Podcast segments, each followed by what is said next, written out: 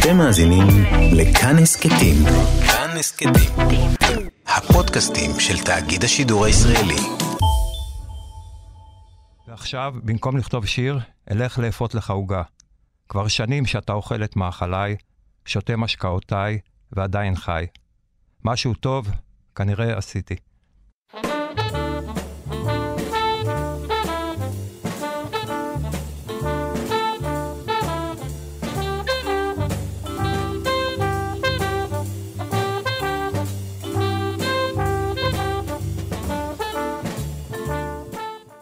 שלום, אה, ברוכים אה, וברוכות הבאות לברית מילה, תוכנית שיחה עם משוררים, בכאן תרבות, 104.9, 105.3.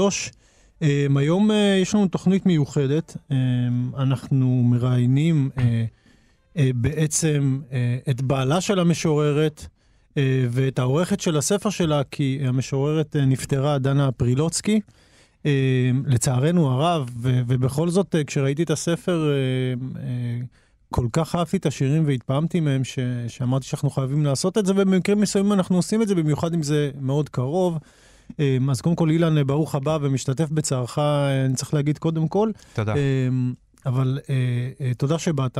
תודה שבאת. אנחנו נשוחח על, על הספר של דנה פרילוצקי, כמו שאמרתי, בקשות דחופות, שזה אה, שם ספרה האחרון, והשני גם, נכון? כן. השני בסך הכל? הספר הראשון יצא בשנת 2008, ונקרא עכשיו אני. Mm-hmm.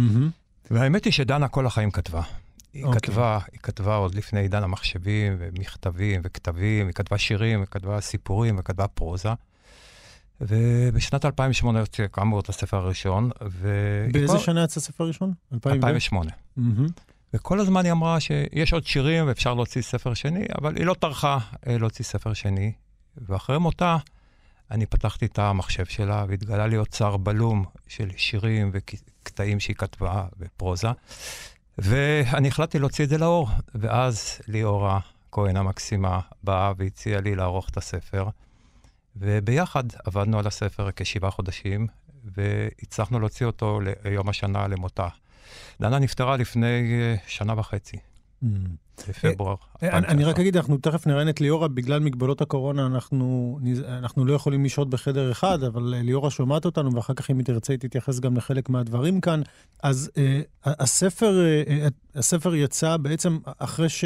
הספר הראשון ב-2008 אמרנו, בהוצאת פרדס, דרך אגב. כן, גם הספר השני יצא בהוצאת פרדס. גם הספר השני, נכון. כן. אה, והחמאתי להם לא פעם, אגב. ו... אתה אומר מ-2008, אחרי שהיא הוציאה את הספר הראשון, עברו הרבה הרבה שנים, ו- וכל הזמן החומר הזה מצטבר בעצם במחשב וכולי וכולי, והיא לא ממהרת uh, להוציא, אם אני מבין נכון, או שהיא התלבטה, או, או שזה האופי של, uh, של דנה, כמו, כמו שאתה הכרת אותה. זה האופי, היא לא מהירה להוציא. אני חושב שהיא עברה תהליכים. Mm-hmm. אחרי שהיא... אחרי שהיא כתבה את הספר הראשון, היא הרגישה שהיא עשתה מה שהיא צריכה בתור משוררת, היא פרסמה ספר, עכשיו שיעשו עם זה מה, רוצ, מה שרוצים.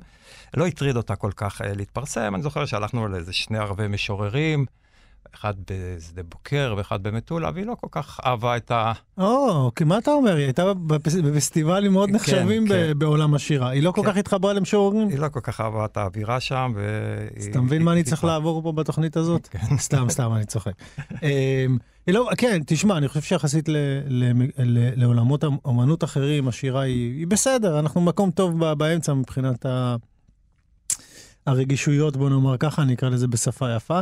אמ, אז, אז, אז זה מעניין, אתה אומר כאילו העולם הזה, היא רצתה לשמור ממנו מרחק, אם אני מבין נכון? היא כן, העדיפה? כן, כן. היא, היא כתבה, והיא כל הזמן כתבה, והיא אה, עשה הרבה דברים.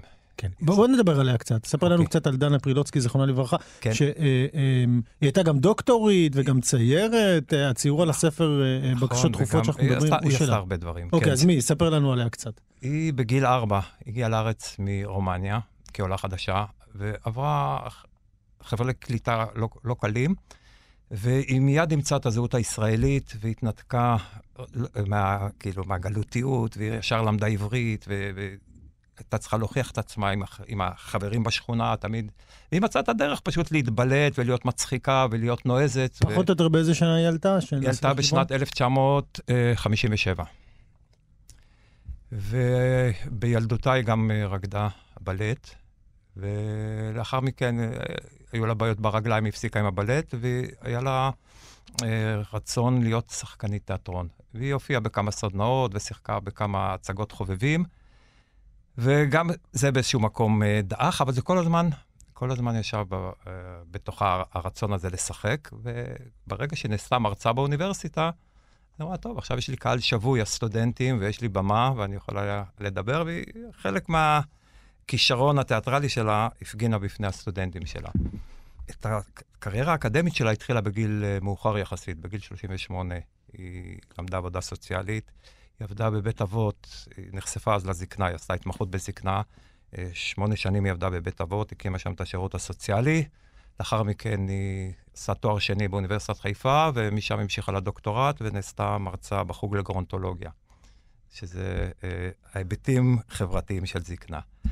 ובמסגרת עבודתה היא גם כתבה והיא הוציאה אה, שני ספרים, אה, ספר ביחד עם פרופסור מירי כהן, ספר שנקרא גרונטולוגיה מעשית, שמשמש היום ספר אה, אה, שהרבה סטודנטים משתמשים בו, כי עד אז לא היה איזשהו ספר אה, שנכתב. ובשנת 2017 היא חלתה בסרטן, ובמשך שנתיים היא נפקה בסרטן וקיבלה סרטן בצורה קשה מאוד.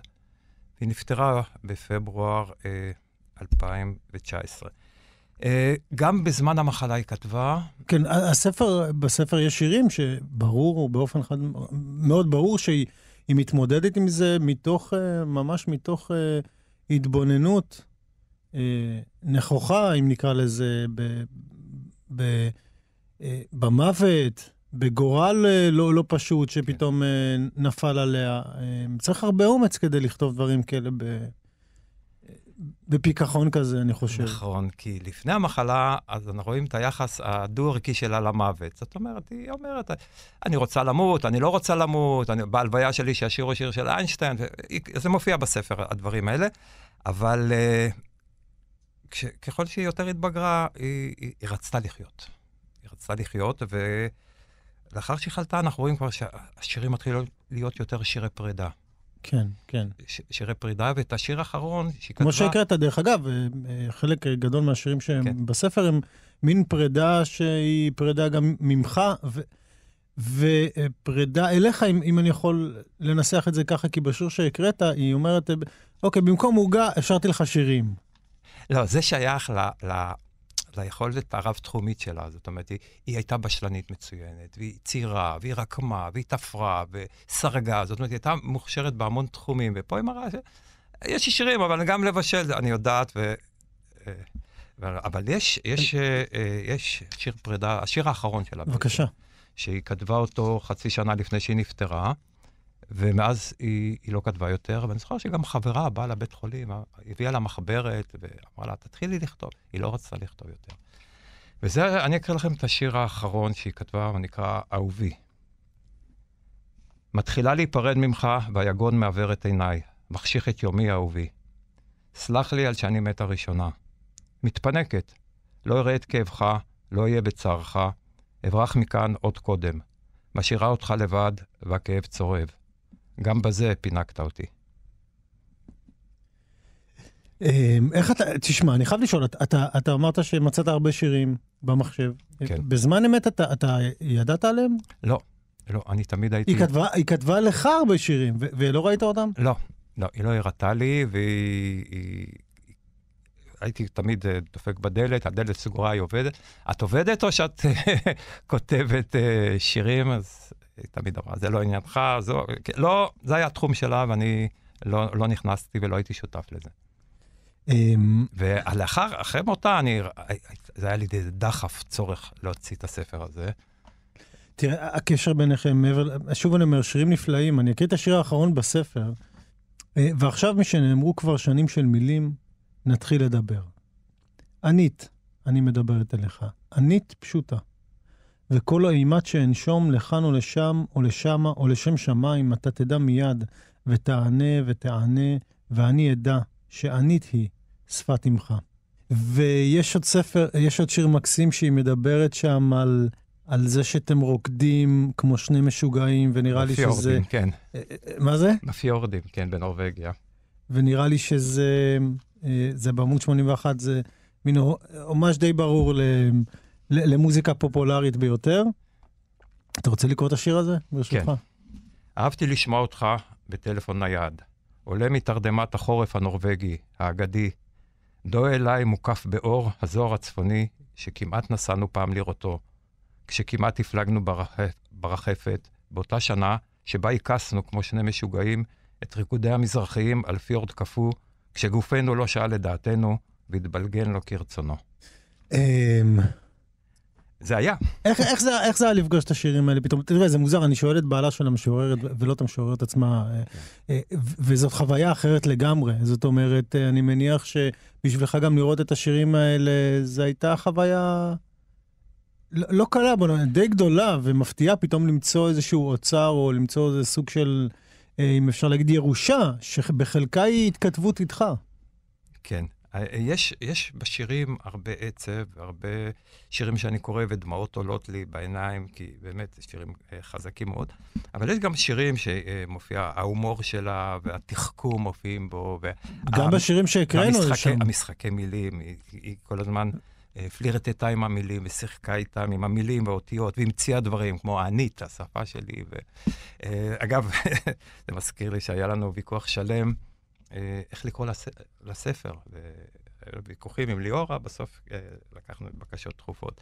אה, גם, גם כשהיא הייתה חולה, והיא לא כתבה, אבל היא כל הזמן דיברה. ובאיזשהו שלב אני אמרתי, אני אלך וארשום את מה שהיא אומרת, כדי שאני לא אשכח. וכתבתי כל מיני דברים, אני מוכן להקריא, אם, אם אתה רוצה, דברים שהיא אמרה בזמן המחלה. אז אחד הדברים שהיא אמרה זה ככה, אני מקווה שהמחלה לא תמחק את הזיכרונות הטובים שלנו. ודבר נוסף שהיא אמרה, בכי, זאת השפה היחידה שאלוהים מבין, וגם את זה הוא לא מבין, האידיוט הזה. טוב, אני אשאל אותך איך היא ראתה את עצמה כמשוררת. בוא נשאל ככה. כי אתה אומר שמצד אחד היא, היא כתבה שירים והייתה מאוד מאוד עסוקה בזה ובעולם האומנות, ושוב, זה, זה יבול נאה להשאיר מין... אה, כמות שירים כזאת. כן, עדיין יש, יש כמות גדולה של שירים, לא כל השירים הכנסנו, אני... Mm-hmm. מן הסתם, כמובן, זה בחירה, כן, זה, זה כן. עניין של בחירה וסינון. אה, היא, ראתה בעצמה משוררת? כש, כשיצא לך לדבר איתה על לא. זה, לא. היא, לא, היא לא דיברה על זה? היא לא ראתה את עצמה. זה מוזר, כי היא מבטאת את עצמה, וזה שאלות שגם נשאלת ליאור אחר כך בצורה כל כך uh, פואטית. זאת אומרת, זה לא שירים של מישהי בסדנת שירה, אלה שירים uh, uh, משובחים ביותר. מתוחכמים מאוד. אמ, זאת אומרת, קשה לי לראות איך אדם כמוה, שכותב בצורה באמת כל כך מתוחכמת, אמ, אתה מבין, זה מאוד מוזר, זה מאוד אני, מוזר, אני זה לא מובן מאליו. אני חושב שהשירים זה הדרך לבטא את עצמה, את המחשבות שלה, את הפנטזיות שלה, את החלומות שלה. אה, זאת הייתה דרכה, אה, זה היה כלי, השירים היו כלי אצלה, זה לא, לא היו המטרה. ואתה רואה שהיא גם כותבת פרוזה, ומתוך הפרוזה היא מוציאה את השירים. בוא אני אקריא שיר, ש- שאני אנסה קצת להרחיב שם. הערסל שנתלה בחצר נע ברוח. תצורת ילדינו טבויה בחבלי זיכרונו. כשגדלו, לא תלשנו אותו מהעץ, שזקן עד מאוד. ועתה ממלאים הרהוריו הוורודים את רצפת השכנים כל אביב מחדש. עכשיו, מעבר ליופי שבתיאור הזה, כן, וגם במבנה הזה של השיר, כי פתאום באמצע יש איזה מקף, והיא מדברת על העץ, ו... וכשאתה קורא את השיר, אתה מבין שזה גם מטאפורה אליכם. ברור. וההרהורים הוורודים שנופלים על רצפת השכנים, אה, וההשוואה הזאת לעץ, היא נעשית בתחכום ובעדינות. שוב, אומר, זה מעבר לאיזשהם הרהורים. אה, שוב, אין לי פה ספק שיש פה משוררת שהייתה מאוד מאוד עסוקה בצורה ובאופן שבו היא מעבירה את הדברים האלה. כן, מאוד מדויקת. ועדיין אתה אומר, לא היה בבית מין אה, אני משוררת או משהו כזה, זה היה עד כדי... לא, לא היה את הפוזה של משוררת, והדברים, זה, הארסל הזה היה קיים אצלנו בחצר, ושוב, אה, היא קודם כל ראתה את עצמה, אני חושב, כאימא. היא, היא באמת מתבטאת הרבה בנושא המחלה. וה, ו, והמחשבות על המוות, הקרב, וההתמודדות עם איך, איך היא רואה דברים היום באור, באור, באור אחר, או איך פתאום היא מתייחסת אליהם, זה סיכום של דברים. אמ, זה לא שמעניינת אותי הרכילות כאן, מעניינת אותי באמת איפה, איפה היא התמודדה יותר. האם השירה היה מקום שבו היא מתמודדת עם זה, או שגם היו לכם שיחות? זאת אומרת, אני, אני שואל כדי אמ, כי מעניין אותי לדעת האם עיקר ההתמודדות באה דרך השירים, כי ההתמודדות בשירים היא מאוד עמוקה, אה, היא מאוד, אמ, כמו שאמרתי קודם, מאוד מפוקחת. ועניין אותי לדעת אם, אם זה היה המקום שבו היא התמודדה. זה, אני חושב שזה היה דרך שלה, אה, איזה בריחה שלה, עולם שלה, שבו היא הביעה, דרך להביע את עצמה, דרך השירים. אה, כי אנחנו דיברנו, דיברנו על הכל, אבל לא דיברנו על השירים. היא לא חשפה בפניי את השירים. זאת אומרת, זה היה העולם שלה, העולם הפנימי שלה. אה, תקריא לנו עוד שיר בבקשה, ברשותך. מה נשאר? האם נשאר לקצת, למעט, לאולי? האם עכשיו כבר מאוחר? מאוחר למה? תארו לכם שאני לא אהיה. זאת נקודת האין חזור, נקודת החלוף. יגידו, כאן גרה פעם משוררת. כאן פעם גרה זאתי. נו, כאן, פעם. Um, אפרופו מי שמצא את השירים, כן, כשקראתי את השיר הזה, משהו נאה, חשבתי שאולי אולי מדובר בך בסופו של דבר. לגמרי סתיו. האותיות במחשבים מהודרות, כאילו משהו נאה עומד לקרות. בגינה אשכולות צנטרום ארגמני פה מתפקעים מניחוח עצמם, תלויים, אדומים, ממתינים, אולי למותם המתוק, אולי לצירעה טועה, אחרונה. חשבתי שאולי הייתה הצירה הזאת, אתה יודע, שבאה אחרי זה ו... וכתבה שם את, ה... את הפירות האלה, כאילו היא, היא, היא חישבה מה יהיה ואיך יהיה, וזה זה משהו שעלה בדעתה שאתה תמצא את השירים האלה אחר כך. רעיון מקסים, לא חשבתי על זה. רעיון מאוד מקסים ואופטימי. אמ, אני חושב שזה היה... היה לה גם חיבור חזק לטבע. היא גם... היא גם חלק מהתקופה הייתה במושב, והייתה מחוברת מאוד לטבע ולאדמה, והיה לנו גינה שהיא כל הזמן טיפחה אותה, ואהבה להיות בה. בגינה הזאת, היא התגאתה בה מאוד.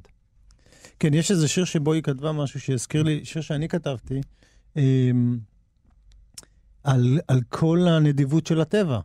בדיוק שיר כזה כתבתי ב, בספר האחרון של שהנדיבות של הטבע היא, היא מאוד אה, פתוחה, היא בניגוד לאופן שבו בני אדם. כן, הניגוד אצלה פחות מופיע בשיר, היא באמת מדברת על הקלות הזאת, כאילו זה תמיד הדבר הכי מבורך שיש.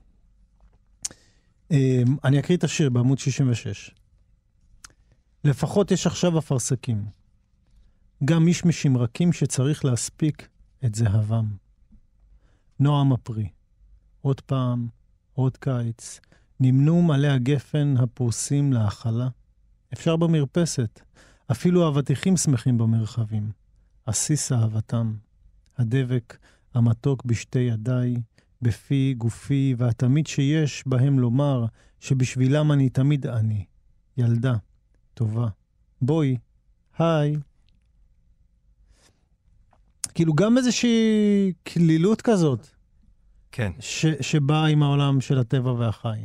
כן, היא הייתה קשורה לזה, ואני זוכר שבאחד השירים היא הכניסה שם של צמח שלא הצלחנו לאתר אותו, ולפי התיאור של הצמח הלכנו וחיפשנו בכל מיני מגדירים עד שמצאנו משהו דומה והכנסנו את זה.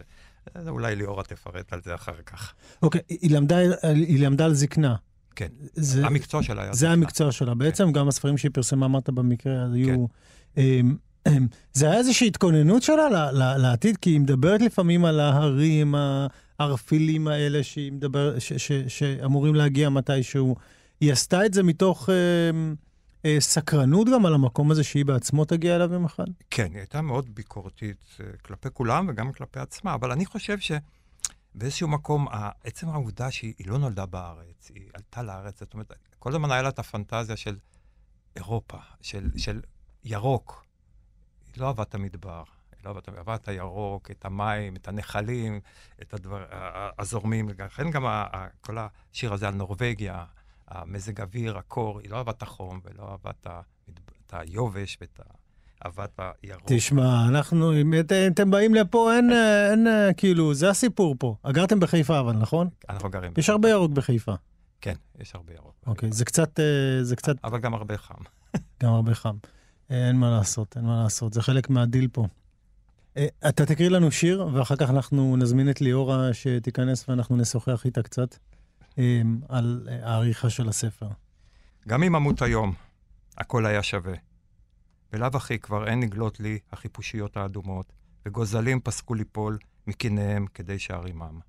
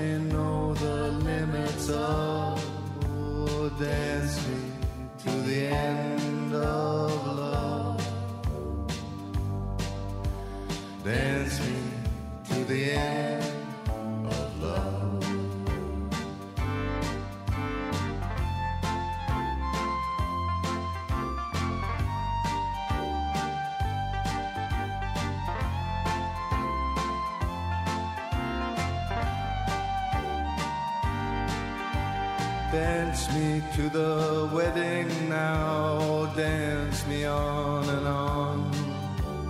Dance me very tenderly and dance me very long.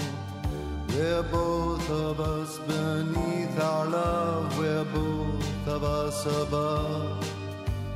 Dance me to the end of love.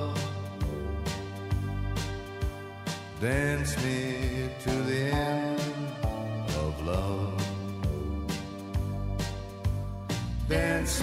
the children who are asking to be born. Dance me through the curtains that our kisses have outworn. Raise a tent of shelter now, though every thread is torn. Dance me to the end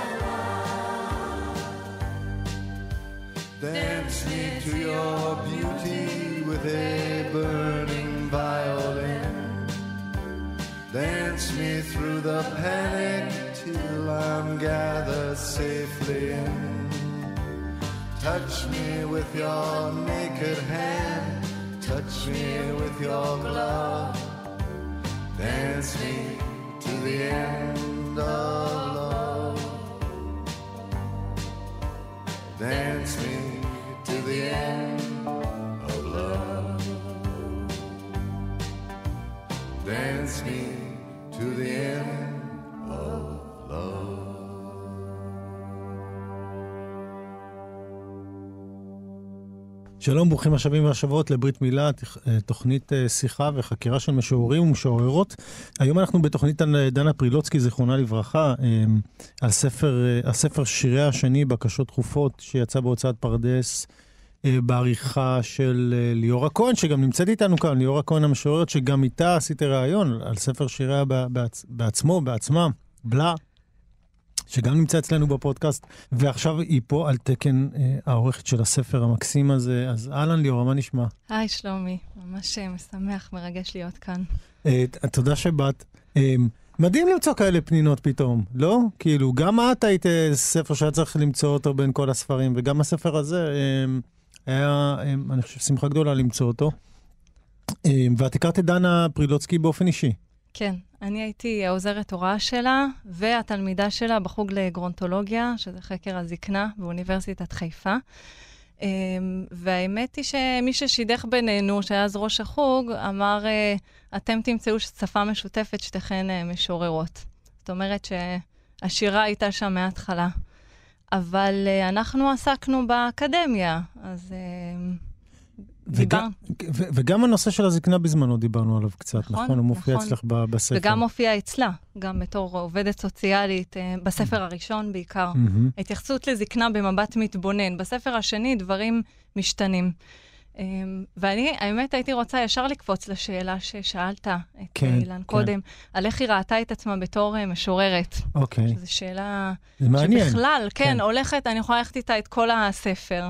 מבחינתי. עכשיו, אני אגיד את מה שאני חושבת, אני כל הזמן אומרת לעצמי, מה היא הייתה אומרת, האם היא הייתה מסכימה עם מה שאני אומרת. כן. אבל... ב... אנחנו צריכים באמת, אה, אולי צריך גם להגיד בהתחלה, אה, אה, עשיתי את זה בתוכניות אחרות, ש, ש, שזאת, שאלה היו הנסיבות. אנחנו לא נוכל לקלוע לדעתה, אנחנו ננסה להתקרב, אולי אנחנו נהיה קצת מסביב, לפעמים קרובים, לפעמים רחוקים, אבל אנחנו נעשה את מה שאנחנו יכולים לעשות. אני בעיקר רוצה להסתמך על הטקסטים, כי בסופו של דבר, בעיניי ככה זה מכבד אותה כמשוררת. משוררת, ולא כדמות. ביוגרפיה, מה היא אמרה, מה היא לא אמרה. אני רוצה להתייחס אך ורק למה שהיא כתבה. קדימה. ומה שאני ראיתי זה שיש שם אה, חיים כפולים בעצם. אם אנחנו מדברים על הזהות המשוררית.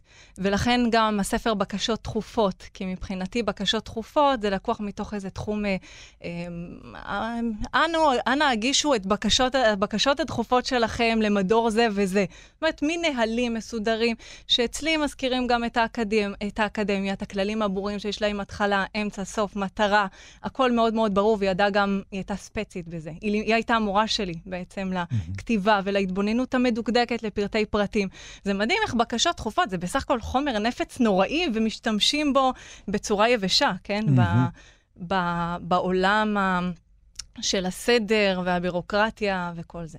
אז היא הייתה לגמרי שם, אבל היה לה את חיי האחרים, את חיי האחרים, אמ, ולשם היא הייתה נורא כמו ג'אנקי בעיניי, הייתה רוצה כבר לעוף מהמקום הרגיל, שבו היא תפקדה בצורה מדהימה, והייתה גם מרצה מדהימה והכל, ורצתה להגיע למקום ההוא, כמו, אני אשמח לקרוא מהספר הראשון, הריון לא ניכר, אני כמו כרגיל, התלמידים בכיתתי אפילו לא משערים מה יהיה, שירי עומד להיוולד.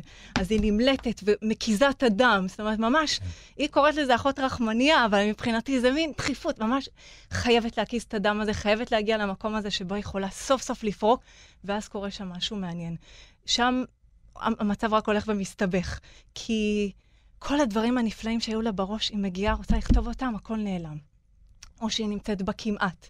התחושה של הכמעט הזה, שהתמודדה איתה כמשוררת, של הנה. יש לה על השטיפת כלים. נכון, השיר הנפלא הזה שנעלם.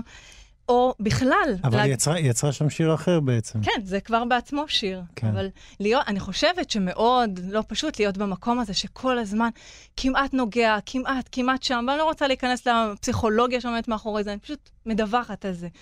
אמ, נחשק, נחלם, כמו מצרך במבצע שתמיד אוזל, כמו מצאי חיי, כשכמעט נגעתי, כשכמעט כבר שמתי אותו בעגלתי. אז, אז כאן זה מתחיל להסתבך. ויש געגועים מאוד מאוד חזקים. למה? המושא הוא לא ברור לגמרי. מה, הביתה? מה זה הביתה? מה זה אני? מה... לאן אני מתגעגעת? זאת אומרת, היא אומרת, להכות שורשים, היא אמרה, בפטיש, להכות בכל הכוח, עמוק וחזק, להכות עד דם, עד ששורשים. זה. מש... זה לחיות בתחושה, באמת, קורים שם דברים מאוד מאוד דרמטיים, מאוד עקובים בעצם, אבל גם יש שם ממלכה. ממלכה שלה, זעירה, שבה הכתירה, היא יודעת שהיא הוכתרה, היא הוכתרה, היא אמרה את זה בפירוש, הוכתרת מלידתך. זאת אומרת, מדברת על איזשהו תואר אצולה, שיכולה אפילו לא לכתוב שנים, כן? זה, היא משוררת, היא באיזשהו מקום יודעת את זה. אבל בתוך הממלכה הזאת היא גם בוראת ומחריבה, ואני אמ, אקריא את ה... לא יודעת איזה מהם, הכל טוב כאן, אני לא, לא יודעת מה להקריא. אבל למשל, האירוניה הזאת שיכולה להתקיים בתוך החיים הכפולים, רק, רק, רק ככה אפשר להוציא את האירוניה הזאת. לבשי את הכובע הגדול, רחב השוליים, וצאי, הערב בכורה. השרביט הכחול, השרביט המוזהב, הצלחה. כבי את נרות הנשמה בשתי נשיפות יהירות, וצאי. הרכיבי עצמך אל עצמך כמו איחור אל עץ השדה. עשי לנפשך, לגופך, לביתך. עניצי דקדוקי עניות כבר צצים בשערך, מסתגלים. אתה רואה, זה מתחיל נורא פומפוזי ולאט לאט, כבר עם הנרות כן. נשמה, כבר עקצה כן. שמה. אני אהבתי את השורה לחבר את עצמך לעצמך כמו כן, איחור של עץ. כן, כמו איחור. שזה כן. מה שאילן אמר גם, שהיא מאוד מאוד הייתה מחוברת אה, לעצמה. לאדמה. לאדמה. כן, השימוש בדימוי הזה. כן, אז זה החיים הכפולים האלה, ומה שקורה בתוך הממלכה הקטנה הזאת, שבה אמ, יש באמת את הגעגועים, את הקושי, לחצוב את הדבר הזה, להיות בכמעט הזה כל הזמן. ו, ו, ואז שמה כל הזמן מתעוררת בה, ה, ה, מתעורר בה הרצון למצוא את השפה שלה, את האנית הזאת שקראת. Mm-hmm. את השיר הזה. באמת, mm-hmm. זה בעיניי שיר קריטי ש, שיכול להופיע רק בסוף, אחרי כל המצבור הזה של העכשיו אני, שזה השם של הספר הראשון, שבו היא בעיניי מבקשת רשות, ולבקש רשות בגיל 47, זה לא דבר של מה בכך. זה לא שירי uh, מגירה, שירי סדנה, כמו שאמרת. זה ליטול את הרשות הזאת יחסית מאוחר. ואז, אחרי כל המצבור הזה, נוצרת שפה. ו- והשפה הזאת, um, עם המחלה, משהו שם, משהו שם נורא מצטלל, משהו אחד בעיניי. זה אהבה שלה לבעלה, לאילן, שנוצרה עוד הרבה קודם, זאת אומרת, היא כתבה עליו עוד הרבה לפני, וטרם הגיע הזמן להתייחס אליך. ו... ואז בעצם, במובן הביוגרפי, זה טרגי, בגלל שעד שכבר היא מצאה את השפה הזאת ויכולה גם לדבר אותה, ויש גם מי שיענה לה בשפה הזאת, באנית הזאת, אנית פשוטה, לא כל כך פשוטה, עד שמוצאים את השפה הזאת, המשותפת, שהוא יכול, הוא דובר אני הייתי שפת אמך, זאת אומרת, זו השפה שלה. ואז הדבר הזה נקטע. אני אומרת, במובן הביוגרפי, זה, זה בעיניי זה דבר טרגי מאוד. Mm-hmm. אבל במובן הספרותי, זה ממשיך להתקיים. זו שפה שהיא יצרה, והיא חיה אצל אילן, וגם אצלי, ואני מניחה שגם היא יכולה להתקיים אצל אנשים אחרים. העלית נקודות יפות, אני אנסה גם להעלות נקודות אחרות. כן. באמת, אה, דיברנו על פירות פה, השירים... קודם כל, אה, בואי נגיד, את, בעצם אילן הגיע אלייך עם עשרות, מאות שירים, לא יודע, כמה, איזה, איך, זה, איך זה נוצר בעצם?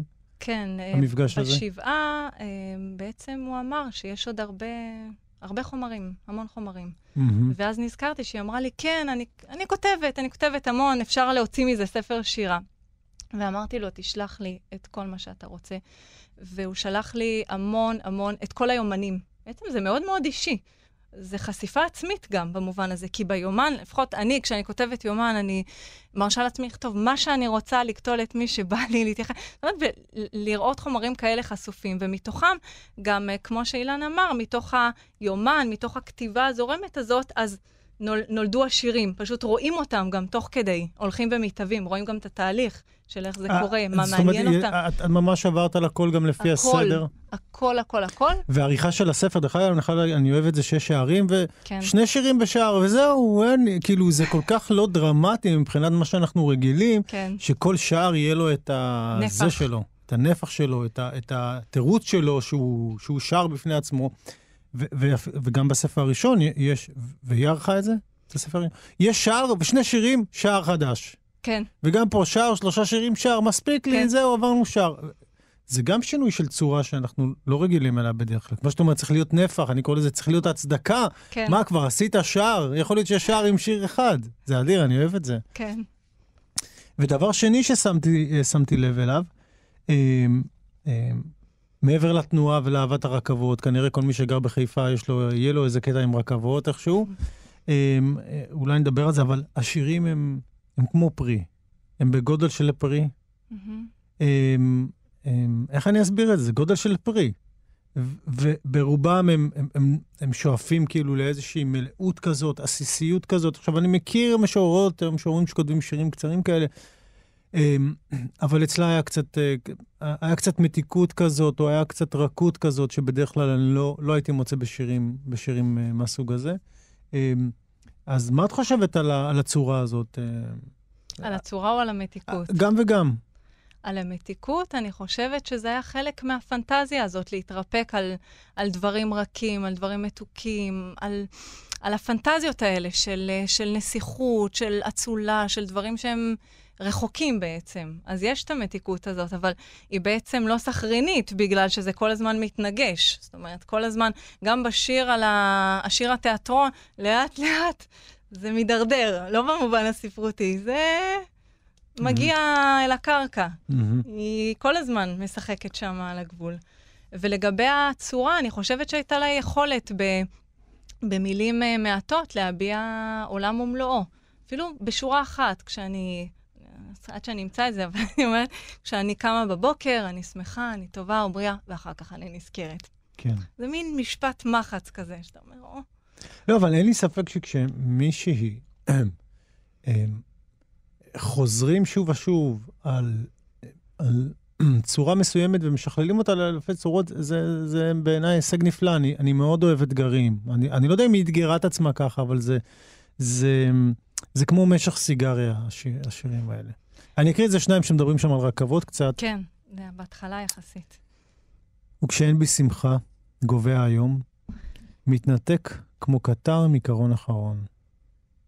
בתאי יחלפו מראות של הרים עצומים, אדישים. במסילה לחיפה שוב ושוב, ים הרים, ים הרים, ים הרים לאין קץ, ואני מתכלה. תקריא את השיר אחרי זה, ליאורה. בתאי, רכבת לילה לליסבון, מצמצמת ספרים עבים למילים שאוכל לזכור. אלה כללי המסילה. היקיצה לעולם מול זרים. הערות מהסה קולות לילה. סימנים מובנים לקטר הרחוק. כרטיסן.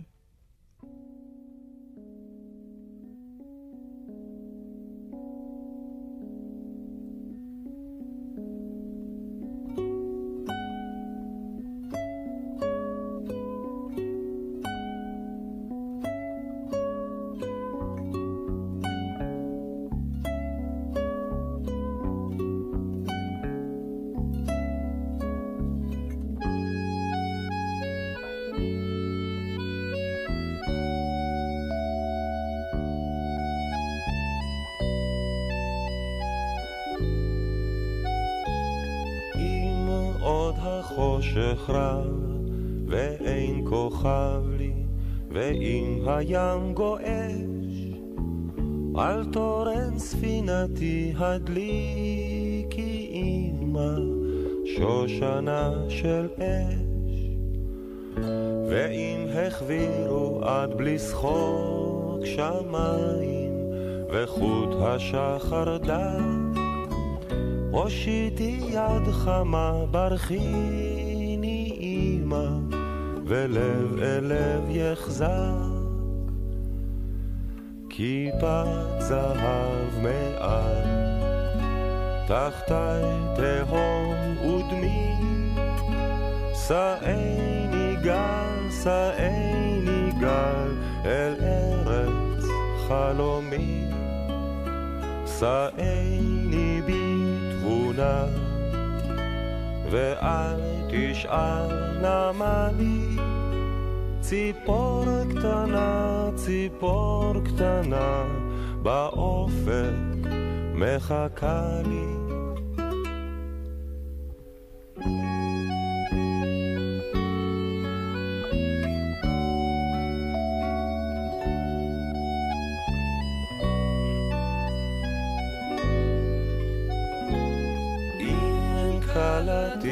בחלומת עופרת, כותונת לאהוב. נשקי החרש על מצחה, הו אמא, אמרי לה כי אשוב. ואם תשאל מה הנתיב בים לי ומה לי את צודק, לה מנחת פלאים, אמא לרך שייוולד. כיפת זהב מעל, תחתי תהום ודמי, שאיני גל, שאיני גל, אל ארץ חלומי, שאיני ואל תשאל נמה לי, ציפור קטנה, ציפור קטנה, באופק מחכה לי. אם עוד החושך רב, ואין כוכב לי, ואם הים גועש, על תורן ספינתי הדליקי אמא, שושנה של אש.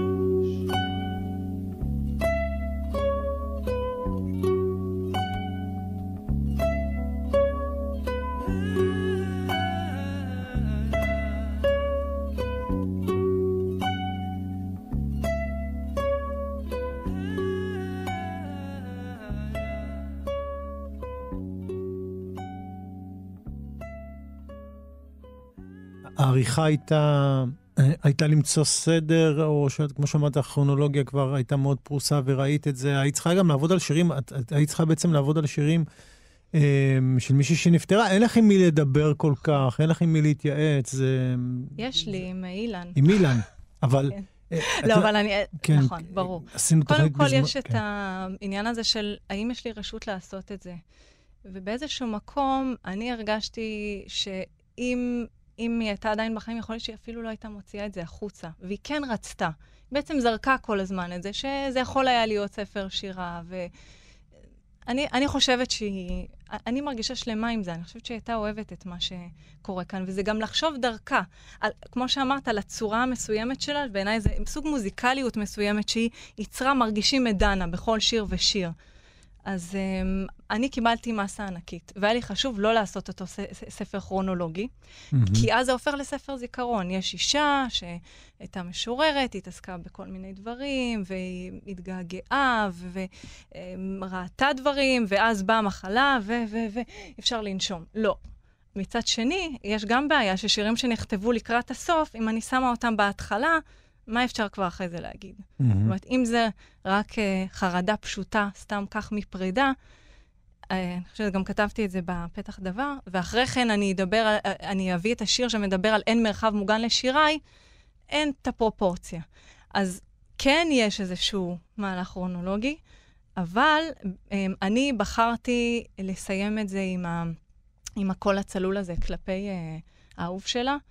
ואני, אני לא יודעת, תקן אותי אם אני טועה, אבל רוב השירים שנכתבים על אהבה זה פרדות ו- ופנטזיות, או שירים של אהבה שהיא רומנטית, או כל...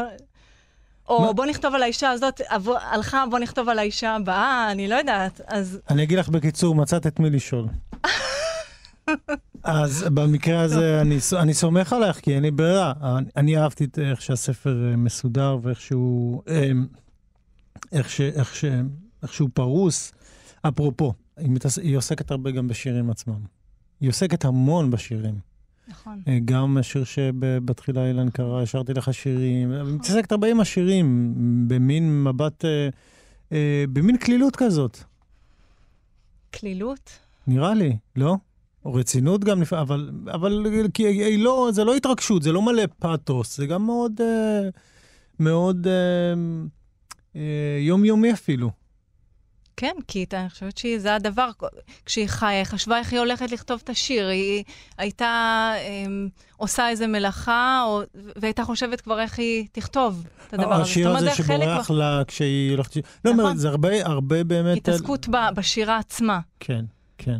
ובשירים עצמם. נכון? ובעיניי, אחרי ש... אתה רוצה שאני לא, אקרא לא, סתם? אבל זה- מה בעינייך? תשלים את המשפט. פשוט בדרך כלל משוררים לא עושים את זה, ואם הם עושים, אז יהיה להם את אני השיר. חושבת שזה קשור לחיים הכפולים האלה. כן? כן. כי אם הדבר הזה הוא, הוא דבר מוצהר, ברור, ש, שהוא שלם עם עצמו, יש שם מאבק בתוך הסיפור הזה של השירה. היא עשתה, בעיניי זה רק אה, דבר שמעיד על גדולתה כאן. ההתעקשות לעשות את זה עוד ועוד, אפילו שיש תחושה של החמצה, של כמעט, של אולי אני לא, של קטילה עצמית, של דבר, זה כל הזמן להתמודד עם זה, זה לא איזה מרחב נח, או, עכשיו אני מגיעה לשעה הכי כיפית ביום ואני מייצרת כאן דברים נפלאים.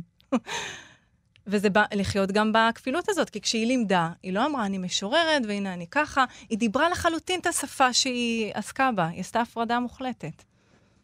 אולי זאת הכפילות שגם נמצאת בתוך השירים עצמם, במבנה שלהם נכון. הרבה פעמים. נכון. יש כל הזמן את הכפילות, את המשחק, את התעתוע, זה הדבר ש... זה היה הדבר המענה, המענג, האירוניה הזאת. אמ, כן. אז כל השירים נבהלים. כל השירים, כל השירים נבהלים. קוראים תחת שולחנות ומיטות. מחפשים מרחב מוגן. אין מרחב מוגן לשיריי. אני מדמה מצב מלחמה, בעוד ליבי מדמה מצב מוות. זו התקפת טילים שמעולם לא חווינו. מעולם לא חוויתי צפירת הרגעה לשיריי, הקוראים ברך במרחב, מצפים לצפירה הבאה. כן, כמה שזה דרמטי, זה גם... אה, יש בזה איזה מין שעשוע עצמי, לא? עם... כן, זה- בגלל זה אמרתי, יש שם נכון. גם קלילות, גם, כן. אבל הם- זה, זה יחס מאוד אנושי, כאילו הם באמת דבר חי. כן, הם באמת היו דבר חי מבחינתי, איך שאני חוויתי אותם, כן. והתעסקת גם עם, אה, תראי, את התעסקת עם זקנה ב- ב- גם בספר וגם סיפר, סיפ- סיפרנו על זה, נכון. זה חלק מהעולם שלך, אה, אה, והוא לא פשוט, ו- וגם בשיר, גם בספר הזה הרבה שירים עוסקים במוות ובזקנה. ובזקנה. מה שמעניין הוא שבספר הראשון היא מתבוננת, נכנסת למקום שהיא עובדת, ורואה את הזקנים. הם, הח... הם הזקנים ואני המשוררת שמתבוננת. וכאן זה פתאום מתחיל ליפול עליה. והשיר הקצר הזה על זקנה, אמ, עלבון הגוף, מפרט הדחי אלי דחי, זה בכלל שורה שמצאתי מתוך טקסט, מתוך מכתב שהיא כתבה. אמרתי, לא, זה שיר. עלבון הגוף, כן? מפרט הדחי אלי דחי. מה זה- צריך יותר מזה? זה באמת? הדבר עצמו, כן? אוקיי. זאת אומרת, לא? אני, אוקיי. חלק מהשירים בעצם, נשלפו מתוך כן. מיטותיהם. כן, אוקיי. ממש הערת אותם, אמרת להם, קומו, אתם שיר. הנה, זה אוקיי. שם, זה היה שם. כן. ו- וכאן ההזדקנות שבאה אליה, אבל עוד לא, לא הספיקה לכתוב הרבה על התהליך של ההזדקנות, כי בעצם באה מחלה, זה דבר הרבה יותר אגרסיבי, אה, שדוחף לקצה. ואיך היה לך להתמודד עם זה? שירים כמו אמ, בעמוד 29, כן. מה שטעם, טעם בתופים גדולים, ואפילו אומללה נשמע כמו טרללה. ולבסוף, כשסדרנים גברתניים יוציאו את חיי מתוך היכל האהוב, כשאיאבק בהם, איש לא ידע. כמה צחקתי. אז אני שואל אותך, ליאורה, גם בספר את מתמודדת עם, בספר שאת כתבת, ועד עכשיו את באה לערוך, ויש שם אה, חומרים, מה שנקרא, אה, בל, לא מתפשרים. איך נכון. היה לך להתעסק עם זה? אני רק עובדת עם דברים כאלה. כן. כן. אה, הבנתי, אוקיי. לא, לא מפחיד אותך. לא. זה זה, זה. יכול להיות כואב, זה יכול להיות... אבל uh, היה, היה כאן עבודת צוות מאוד מאוד חזקה, גם עם אילן. ישבנו על כל פסיק ועל כל נקודה ועל כל בחירת שיר, וקראנו אותו שוב ושוב, היו כמה וכמה גרסאות. זאת אומרת, זה היה תהליך שהרגשתי בו לא לבד, שאני עושה אולי משהו שאני חורגת בו. גם ברגע שהוא בוחר שירים ואני בוחרת שירים, ואנחנו מסנכרנים ורואים מה, מה, מה העודפות מכל הכיוונים, זה, כל הזמן היינו שם, וזה נתן, אני, אני מרגישה ש... שעשינו דבר טוב. וגם באמת היה לנו מזל, אה, אני רוצה להזכיר את אה, אלי ממן מהוצאת פרדס, שהתייחסה לספר הזה במלוא הרגישות וה... אה, והעדינות ובכבוד מוחלט לבחירה שלנו. היא גם הציעה את השערים, אה, כי באופן טבעי אני לא הייתי מחלקת לשערים, אבל היא הציעה אותם. כמו בספר הראשון בעצם של נכון, בדיוק ככה. דנה. כן, וגם uh, המנקד, הוא גם uh, חנן קפלן. זאת אומרת, ההערות שלו היו פשוט, uh, uh, הוא התייחס גם לספר בצורה הכי לא טכנית שאפשר. זאת אומרת, יש איזה שיר, אני רוצה לקרוא אותו. בבקשה. זה שיר שנכתב מתוך המחלה. בעיני רוחי אני מציירת לך שיבולת, ארוכה וגבוהה וזקופה, וכשאין לי כוח להרים את ידי, עיני רוחי ממשיכות את הקו. וחנן אמר לנו, עכשיו ניקדנו ידיי, והוא אומר, לא, זה לא ידיי, זה ידי. וזה שונה לחלוטין, התנועה הזאת של השיבולת. זה לא להרים את הידיים בכניעה, זה ידי. והדיוק הזה, זה, זאת אומרת, חיפשנו אותו בכל רגע נתון. והוא היה גם מכאיב, כי היו דברים שלא ידענו מה הפתרון. כן. מה, מה, כמו שאילן אמר, על הפרח הזה. מה זה הפרח הזה לעזאזל? חיפשנו אותו בכל... אולי זה פרח, אולי זה פרי מסוים, אולי זה בגינה שלהם נמצא. כי היא הייתה כותבת בלי שגיאות, ודווקא המונח הזה לא... ואז אמרנו, לעזאזל, באמת, זה הרגעים שבה, שבהם הרגשתי שהיא לא נמצאת. זה דווקא ברגעים הקטנים האלה של הניקוד. זה היה הרגעים שאמרתי, רגע, אבל איפה היא? כאילו, היא צריכה לתת לנו את התשובה. מה, מה נעשה עכשיו? איך נחליט? בסדר, אז איכשהו החלטנו. זאת אומרת, איכשהו. חשבנו על זה הרבה, כן. חשבתם על זה, ו... טוב, זה, זה באמת, כמו שאת אומרת, הרגעים האלה שבאמת מבינה ש... שהיא לא נמצאת. הדברים ש... הקטנים. יישאר משהו, משהו סתום כשהאדם נכון, הספציפי. נכון, לא יכול לענות. אתם דיברתם על שירה, או רק על uh, זקנה? כן, דיברנו גם על שירה דיברתם? מעט. אוקיי. והיא מאוד רצתה uh, שאני אוציא ספר, ולא הספקנו, לא הספקתי למסור לה את הספר. והיא נורא ביקשה לקרוא, ומסרה לי את הספר שלה גם במתנה אחרי שנת, שנת עבודה, וקראתי אותו באוטובוס, ופשוט התעלפתי מהספר. את הספר הראשון. הראשון, עכשיו כן. אני, כן, ואמרתי לה, מה זה? איך, איך לא אמרתי שאת כזאת משוררת אמיתית? חשבתי טוב. לא היה לי מושג. קראתי וכתבתי לה משוב מאוד מאוד מפורד ומתפעל, עוד באותו יום שחזרתי הביתה, אבל היא לא, היא לא עשתה מזה יותר מדי עניין. דיברנו על זקנה, דיברנו על החיים, כתבה לי גם מיילים שהם כמו מכתבים אה, שפיוטיים. אני לא אקריא אותם כי הם יותר מדי אישיים, אבל... אה, אה, אה רק שאולי שיר שהייתי רוצה לקרוא אותו. בטח. את תקריא אותו בעמוד 67. כל דבר לחוד, אני יודעת. כמו פרי נופל מעץ, אחד-אחד. מתיר את קשר הליבה. את השלם איני יודעת, אל השלם הנכמהה, שבהילוך חוזר, איתי. מהעכשיו בחזרה, מהקדימה לאחור, שתיסגר התאנה, והעיניו אל האשכול, וילדותי חמה, רכה, תבוא אליי, ותכסה על שתי עיניי.